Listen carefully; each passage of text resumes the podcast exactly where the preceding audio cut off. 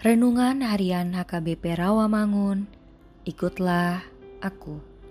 Selasa, 15 Februari tahun 2022. Dengan judul Pertanggungjawaban untuk sebuah karunia. Bacaan pagi kita pada hari ini diambil dari Lukas 17 ayat 5 sampai 10.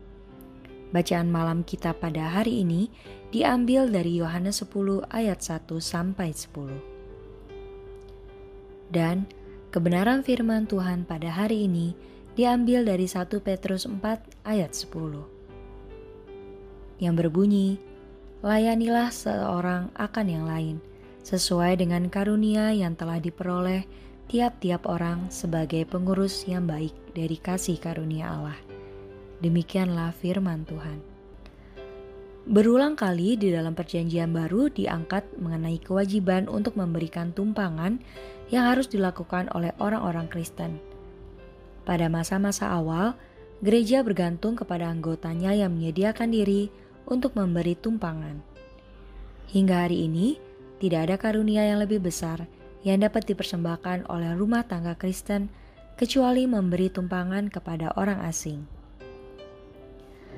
Karunia-karunia yang dimiliki seseorang harus dipersembahkan tanpa syarat apa pun demi pelayanan kepada jemaat. Gereja membutuhkan setiap karunia seperti yang juga dimiliki oleh setiap manusia. Karena itu, dapat berupa karunia dalam berbicara, bermain musik, mengajar kur, berkhotbah, pelayanan pastoral, bahkan mengunjungi jemaat.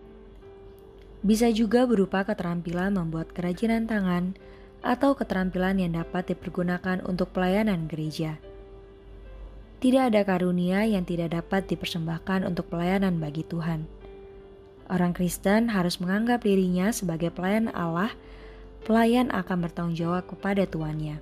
Sebagai pelayan, kita harus bertanggung jawab kepada Tuhan.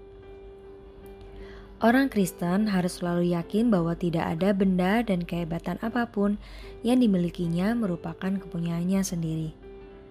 Namun, semua itu adalah kepunyaan Allah, dan Ia harus selalu menggunakan apa yang dimilikinya hanya untuk kepentingan Allah, yang kepadanya kita harus mempertanggungjawabkan segalanya.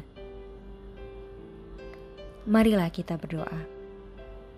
Ajarlah kami untuk dapat mempergunakan karunia yang kami miliki hanya untuk memberitakan kabar baik, sehingga nama Tuhan semakin dimuliakan. Amin.